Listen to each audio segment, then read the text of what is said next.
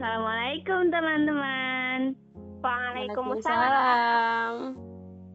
Ngobrol di kita kita skoy. Skoy.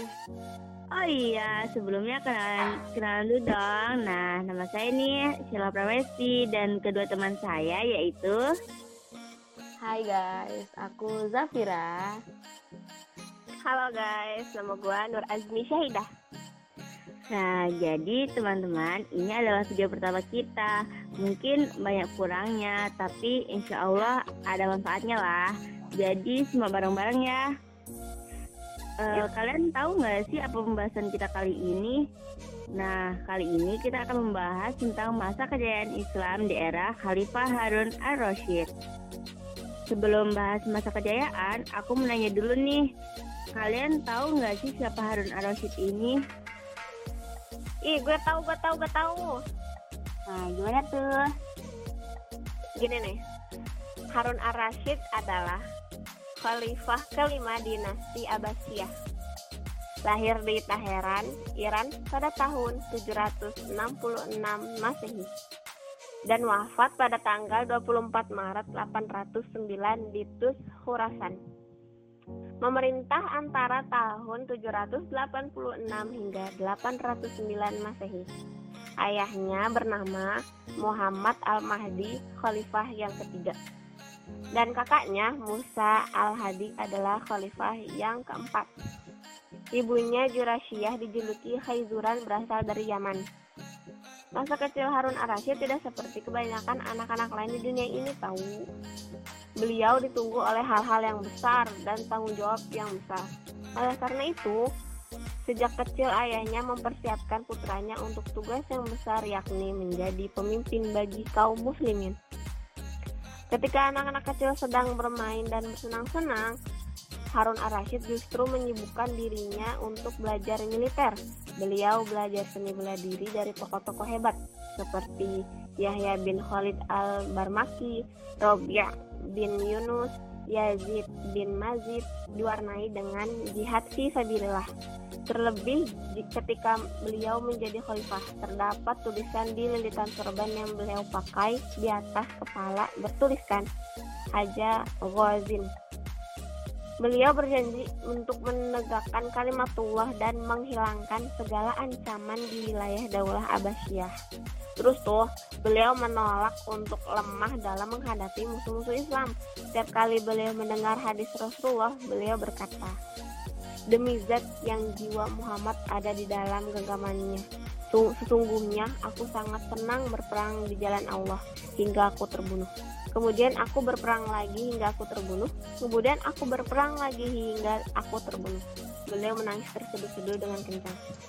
Harun Ar-Rasyid ini dikenal dekat dengan keluarga Barmaki dari Persia Iran. Di masa mudanya, Harun banyak belajar dari Yahya ibn Khalid al-Barmak. Beliau menjadi khalifah menggantikan kakaknya, Al-Hadi pada tahun 170 Hijriah. Beliau merupakan khalifah paling baik dan raja dunia paling agung pada waktu itu. Beliau biasa menunaikan haji setahun dan berperang setahun. Sekalipun sebagai seorang khalifah, beliau masih sempat sholat yang bila dihitung tuh setiap harinya mencapai 100 rakaat hingga beliau wafat. Beliau tidak meninggalkan hal itu kecuali bila ada uzur. Demikian pula, beliau biasa bersedekah dari harta pribadinya. Setiap harinya bersedekah sebesar seribu dirham. Beliau orang yang mencintai ilmu dan para penuntut ilmu mengagungkan kehormatan Islam dan membenci debat kusir dalam agama dan perkataan yang bertentangan bertentangan dengan kitabullah dan as-sunnah an-nabawiyah. Beliau berumroh tahun 179 Hijriah di bulan Ramadan dan terus dalam kondisi ihram hingga melaksanakan kewajiban haji. Sudah deh. Wah, keren banget ya ini Harun Ar-Rasyid. Jadi Harun Ar-Rasyid ini khalifah ke lima setelah setelah Musa Al-Hadi ya. Iya, ih keren banget, sumpah. Parah sih. Jadi gimana sih sejarah awal berdirinya dinasti Abbasiyah guys? Coba sel bantu jelasin. Pasti paham kan? Pasti tahu kan gimana sejarahnya? Hmm, insya Allah uh, ini ya aku saya coba jelasin sedikit ya. Nah, jadi sejarah berdirinya dinasti Abbasiyah diawali dari sebuah gerakan yang berasal dari keturunan Abbas bin Abdul Muthalib, yaitu paman termuda Nabi Muhammad Shallallahu Alaihi Wasallam. Dinamakan dinasti Bani Abbasiyah disebabkan para pendiri dan para pemimpin yang menjadi khalifahnya berasal dari keturunan Abbas bin Abdul Muthalib. Nah, kekhalifahan dinasti Bani Abbasiyah mulai berdiri pada tahun 750 Masehi seiring dengan jatuhnya kekhalifahan dinasti Bani Umayyah di Damaskus. Dinasti Bani Abbasiyah dipimpin oleh 37 orang khalifah yang berasal dari tiga keturunan.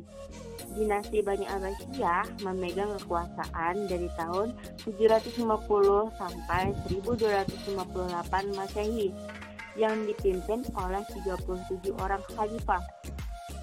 Dari jumlah khalifah yang pernah berkuasa, ada tiga orang khalifah yang terkenal dan menonjol e, di antaranya yaitu Abu Ja'far al-Mansur, Harun al-Rasyid, dan al-Ma'mun.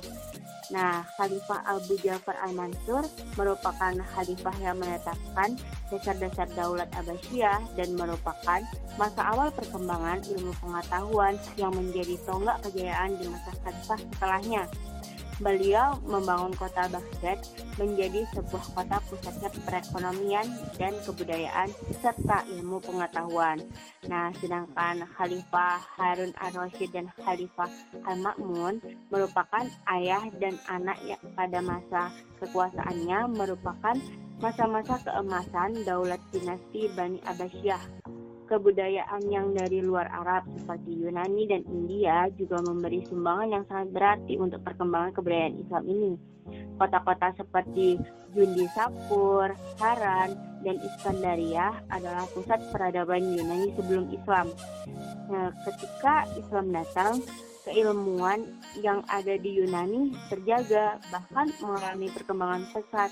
Pada masa itu muncullah sastrawan dan budayawan yang terkenal yaitu Ibnu Maskawais dan Al-Kindi.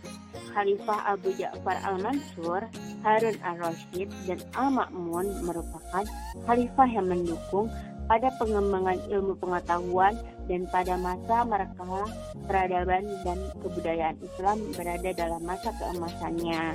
Nah, jadi begitu teman-teman untuk cerita dari dinasti Abbasiyah. Oh gitu ya sejarah dinasti Abbasiyah, keren banget. Eh, kalau cerita tentang masa yang dikenal dengan the Golden Age of Islam itu gimana? Jadi guys, di masa Harun berkuasa ini, dari sejak tahun 786 sampai 809 Masehi, Imperium Islam merentang mulai Atlantik sampai ke India. Pada saat itulah Khalifahan Islam berada di puncak kejayaan sebagai kekaisaran terbesar dan terluas di bumi. Khalifah Harun al-Rashid memulai masa kekuasaannya pada usia 23 tahun. Wow.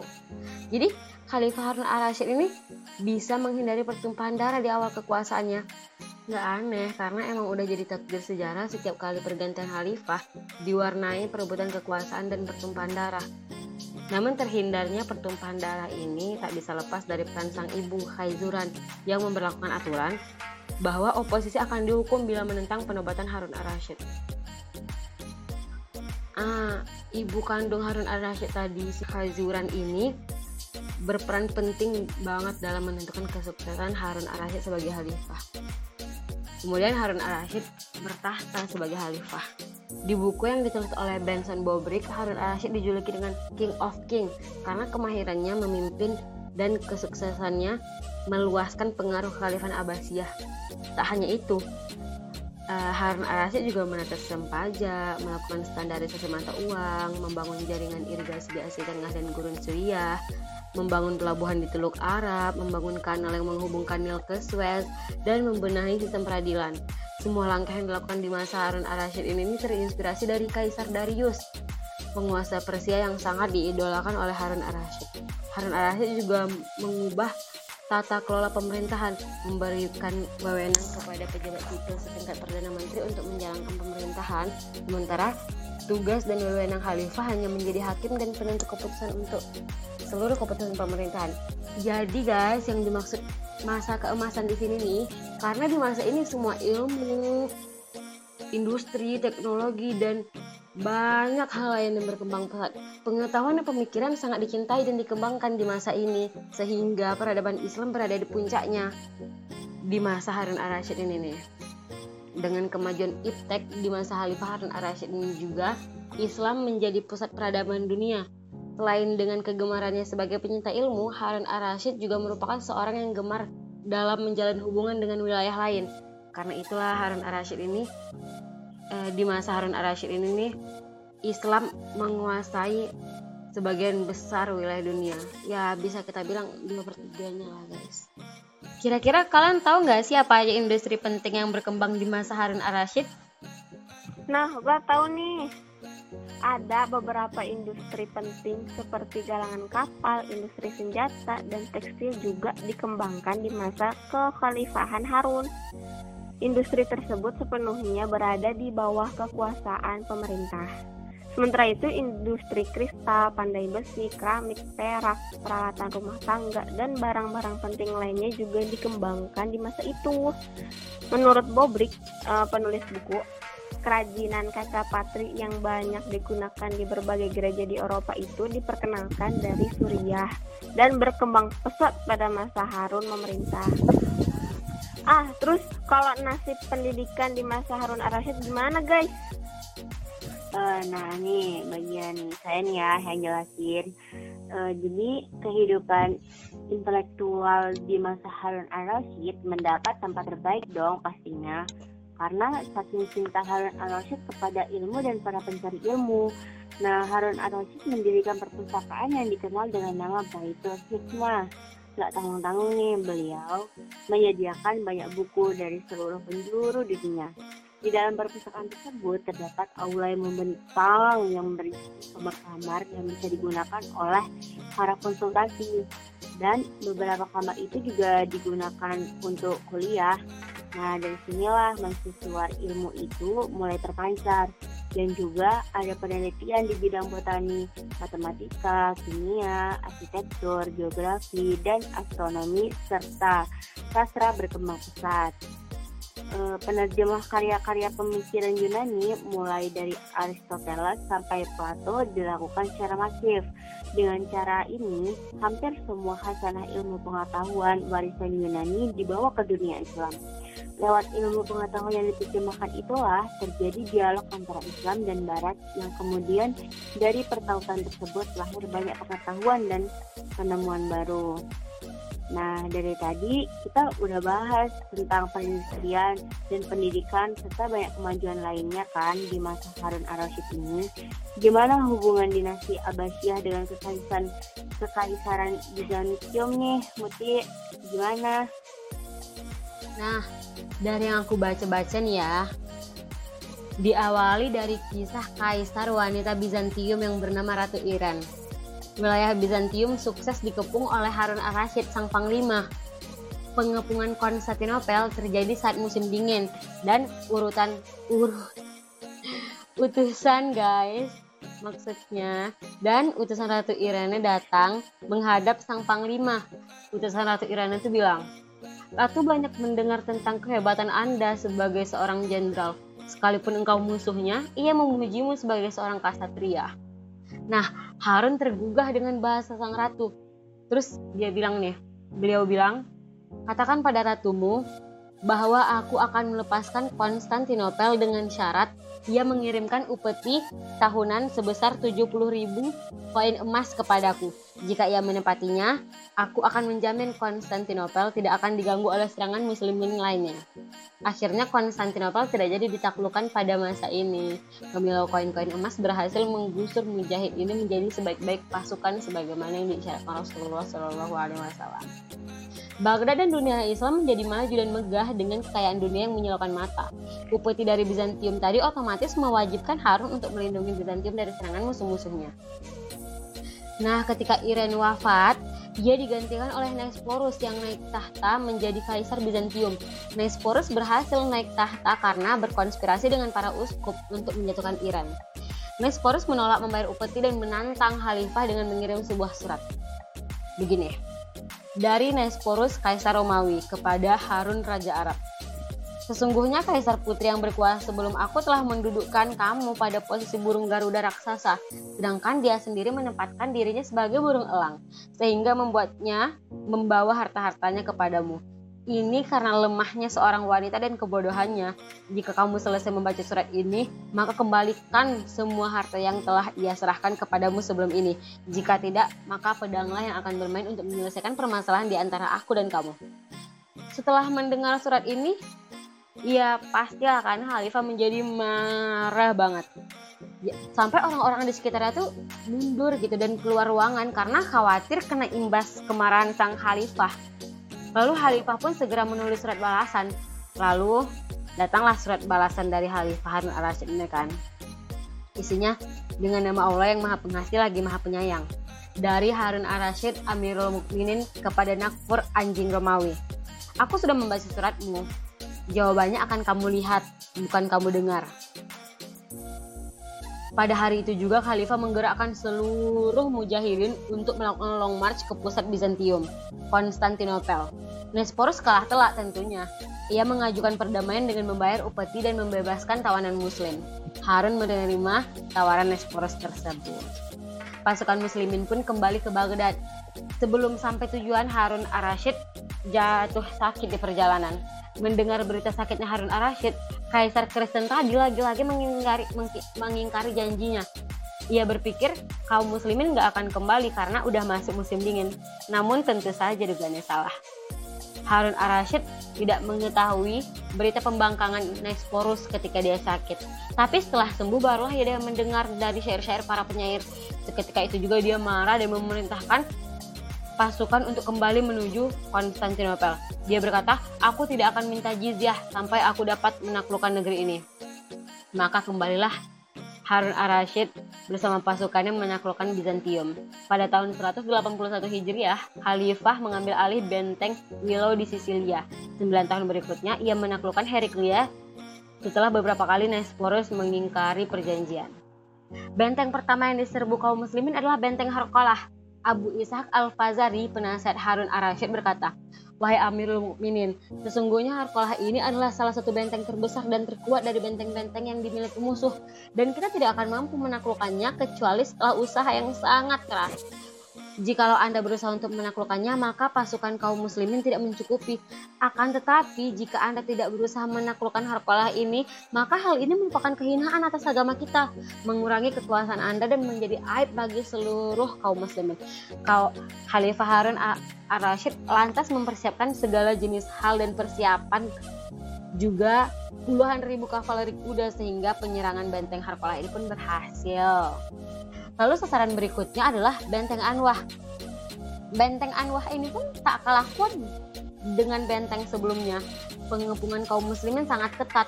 Terjadi saling serang antara kaum muslimin dan kaum kaum kaum musyrikin.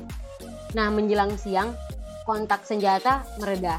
Sementara Harun Arasyid pun istirahat. Saat ia tertidur, seseorang membuka pintu benteng dan keluarlah seorang jagoan musuh dengan kuda, pakaian, dan senjata tempur lengkap. Ia berteriak dengan lantang di hadapan barisan kaum muslimin. Heh, orang-orang Arab, keluarkan 20 jagoan kalian yang ahli mengendarai kuda untuk menghadapi aku. Kata dia kayak gitu kan. Saat itu Harun ar-Rasyid sedang tidur, sehingga tidak ada yang bisa mengambil keputusan dan tidak ada pula yang berani membangunkan Harun ar-Rasyid. Sementara sang jagoan Bizantium terus-menerus meneror kaum muslimin dengan tantangannya. Akibatnya, pasukan kaum muslimin tertekan dan kaum Kristen tadi semangat gitu karena mereka merasa menang. Terus mendengar kejadian yang menimpa pasukan muslim, Harun al-Rashid jadi kesal kan. Terus tuh dia bilang, kenapa kalian nggak bangunkan aku katanya. Dan kenapa salah seorang dari kalian nggak mau maju untuk menghadapinya? Terus besok paginya, jagoan Bizantium yang kemarin neror tuh keluar lagi tuh dan menantang kaum muslimin kayak sebelumnya. Harun Arasid langsung bilang ke pasukannya, ayo keluarin 20 orang pasukan berkuda untuk menghadapi orang itu. Nah, salah seorang komandan muslimin, Ibnu Mukhalad berkata, Demi Allah, wahai Amirul Mukminin, cukup satu orang saja yang menghadapinya. Jika ia mampu mengalah mengalahkan orang Romawi tersebut, maka Alhamdulillah. Akan tetapi jika ia terbunuh, maka dia terbunuh sebagai syahid. Dengan begitu orang Romawi yang lain nggak akan mendengar bahwa seorang pasukan Romawi dihadapi 20 orang pasukan Islam. Nah, karena itulah diutus seorang jagoan muslim yang dikenal berani dan kuat yaitu Ibnu Al-Jazari. Kata Ibnu Al-Jazari, aku yang akan keluar menghadapi orang itu dan aku memohon kepada Allah semoga dia menurunkan pertolongannya kepadaku. Bergeraklah Ibnu Al-Jazari ini dikawal 20 pasukan berkuda. Ketika mendekati musuh, jagoan Bizantium itu ada yang protes gini nih. Heh, orang Islam, kalian curang banget. Kan aku cuma minta 20, kenapa yang datang 21? Kata dia kayak gitu. Terus salah seorang kaum muslim ini bilang, "Eh, yang menghadapi kamu itu cuma satu orang. Kami cuma ngantarin. Habis ini kami balik gitu kan." Terus tuh orang uh, Bizantium tadi tuh berkatalah dengan sombongnya, "Aku telah berdoa kepada Tuhan semoga aku berhadapan dengan Ibnu Al-Jazari," kata dia. Terus Ibnu Al-Jazari itu bilang akan dengan santai, "Ya benar, saya Ibnu Al-Jazari," kata dia gitu kan. Terus orang Bizantium ini dengan sok kenal sok akrabnya bilang gini nih wahai teman aku merasa cukup puas berhadapan denganmu kata dia gitu setelah para pengantar tadi kembali mulailah duel antara dua jawara ini. Duelnya sangat keras menimbulkan harap-harap cemas di antara kedua belah pihak yang menyaksikan. Akhirnya Ibnu Al-Jazari menguasai keadaan. Selanjutnya dua jagoan tadi me Dua jagoan kavaleri ini melakukan serangan terakhir. Ibnu Al-Jazari Al-Jazari berhasil menumbangkan musuhnya dari kedua dari kuda dengan kepala yang terputus. Menyaksikan kemenangan itu, pasukan muslimin bertakbir keras seolah-olah menggetarkan bumi. Sementara kaum musyrikin, musyrikin menciut nyalinya. Jadi setelah pertempuran terbuka itu terjadi, benteng Anwa pun jatuh ke tangan kaum muslimin. Setelah pertempuran usai, Ibnu Al-Jazari ditawari tuh ganimah yang begitu banyak. Namun dia menolak karena dia berjuang ikhlas mencari ridho Allah semata. Hakikatnya negeri Bizantium ini telah berlutut di hadapan khalifah. Namun entah kenapa sang khalifah tidak berminat mengambil alih Konstantinopel. Mungkin karena Allah sudah menetapkan bahwa negeri ini memang benar-benar masuk ke pangkuan muslimin kelak dalam sebuah proses perjuangan sangat besar kali ya di tangan seorang pemuda dengan pasukan yang sebaik-baiknya. Tidak sedikit intrik politik yang terjadi pada masa Khalifah Harun al-Rashid ini. Beberapa, beberapa orang terdekatnya diam-diam melakukan perlawanan. Beberapa daerah taklukannya berusaha memerdekakan dirinya. Pada tahun 792, Yazid ibnu Maziyad Asyaibani dikirim ke Armenia dan Azerbaijan, namun gagal memadamkan pemberontakan. Nah, di tengah-tengah kemegahan dan kegemilangan yang terjadi pada dunia Islam saat itu, mungkin menjadi salah satu sebab sehingga khalifah tidak terlalu berminat untuk mengurus Bizantium. Sejarawan berpendapat bahwa pada masa Khalifah Harun al-Rashid ini adalah masa keemasan peradaban muslim seperti yang udah kita bahas tadi sebelumnya. Kondisi yang bertolak belakang dengan Eropa saat itu yang dipimpin oleh Charlemagne. Seorang sejarawan barat mengatakan begitu jauhnya jarak peradaban antara muslimin dan Eropa saat itu sehingga ketika Khalifah Harun al-Rashid mengirimkan jam kepada Kaisar Charlemagne, orang-orang Eropa ketakutan karena mengira jam itu digerakin sama jin. Saat itu sebenarnya jamnya tuh kalian tahu nggak sih kenapa mereka ngira kayak gitu karena jamnya tuh besar gitu nah guys besar terus setiap jam 12 keluar kaisar gitu dari dalam jam itu tuh. Kalian tahu kan kayak jam-jam sekarang yang uh, jam gantung yang tiap jam 12 keluar burung gitu? Iya tahu iya, tahu. Nah kayak gitu. Jadi mereka karena kurang pengetahuannya mikirnya itu digerakin jin padahal kan karena saking berkembangnya gitu kan uh, pengetahuan dan teknologi dari kaum muslimin ini nih. Nah pada tahun 831 Masehi Sisilia daerah Italia Selatan jatuh ke pangkuan muslimin. Selama dua abad daerah ini hidup dalam keadaan damai. Karena di bawah pemerintahan Islam gitu kan Dengungan azan pun bergema hanya beberapa ratus kilometer dari Vatikan, pusat Kristen Katolik saat itu. Namun, ruh jihad kurang bergema untuk terus menebarkan Islam ke negeri-negeri Kristen termasuk Konstantinopel. Penyakit wahan lagi-lagi melanda umat Islam sehingga pada abad ke-11 negeri ini disaplok kembali oleh pasukan salib. Nah, jadi guys, sebenarnya di masa umat muslim ini nih di masa Harun al-Rasyid ini kita udah bisa menguasain Konstantinopel. Namun khalifah pada masa ini nggak berminat menguasain karena mungkin beliau mikir udah terlalu banyak gitu menguasain dunia. Besok-besok aja lah Konstantinopelnya gitu ya kan?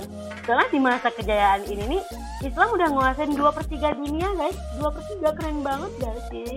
Keren banget. Nggak kuat nggak uh, ya mungkin sih ya dia berpikir seperti itu. Jadi uh, sudah selesai ini ceritanya? Sudah. Mantap. Keren banget. keren banget ini cerita tentang hubungan dinasti Abbasiyah dan kekaisaran Bizantium panjang juga ya. Cuman seru sih. Seru banget ya kan? Ih, seru banget yang pun kayak ini nih nggak boleh terlewatkan juga guys gitu kan. Hal kalian ini harus bener-bener mendengarkan kan. Kalian udah benarkan kan tadi kalau misalnya belum dengar nanti diulang aja ya bisa lah tuh. Ya kan ini ya karena ini nih penting banget guys. Masa kejayaan Islam. Kita tuh bener banget.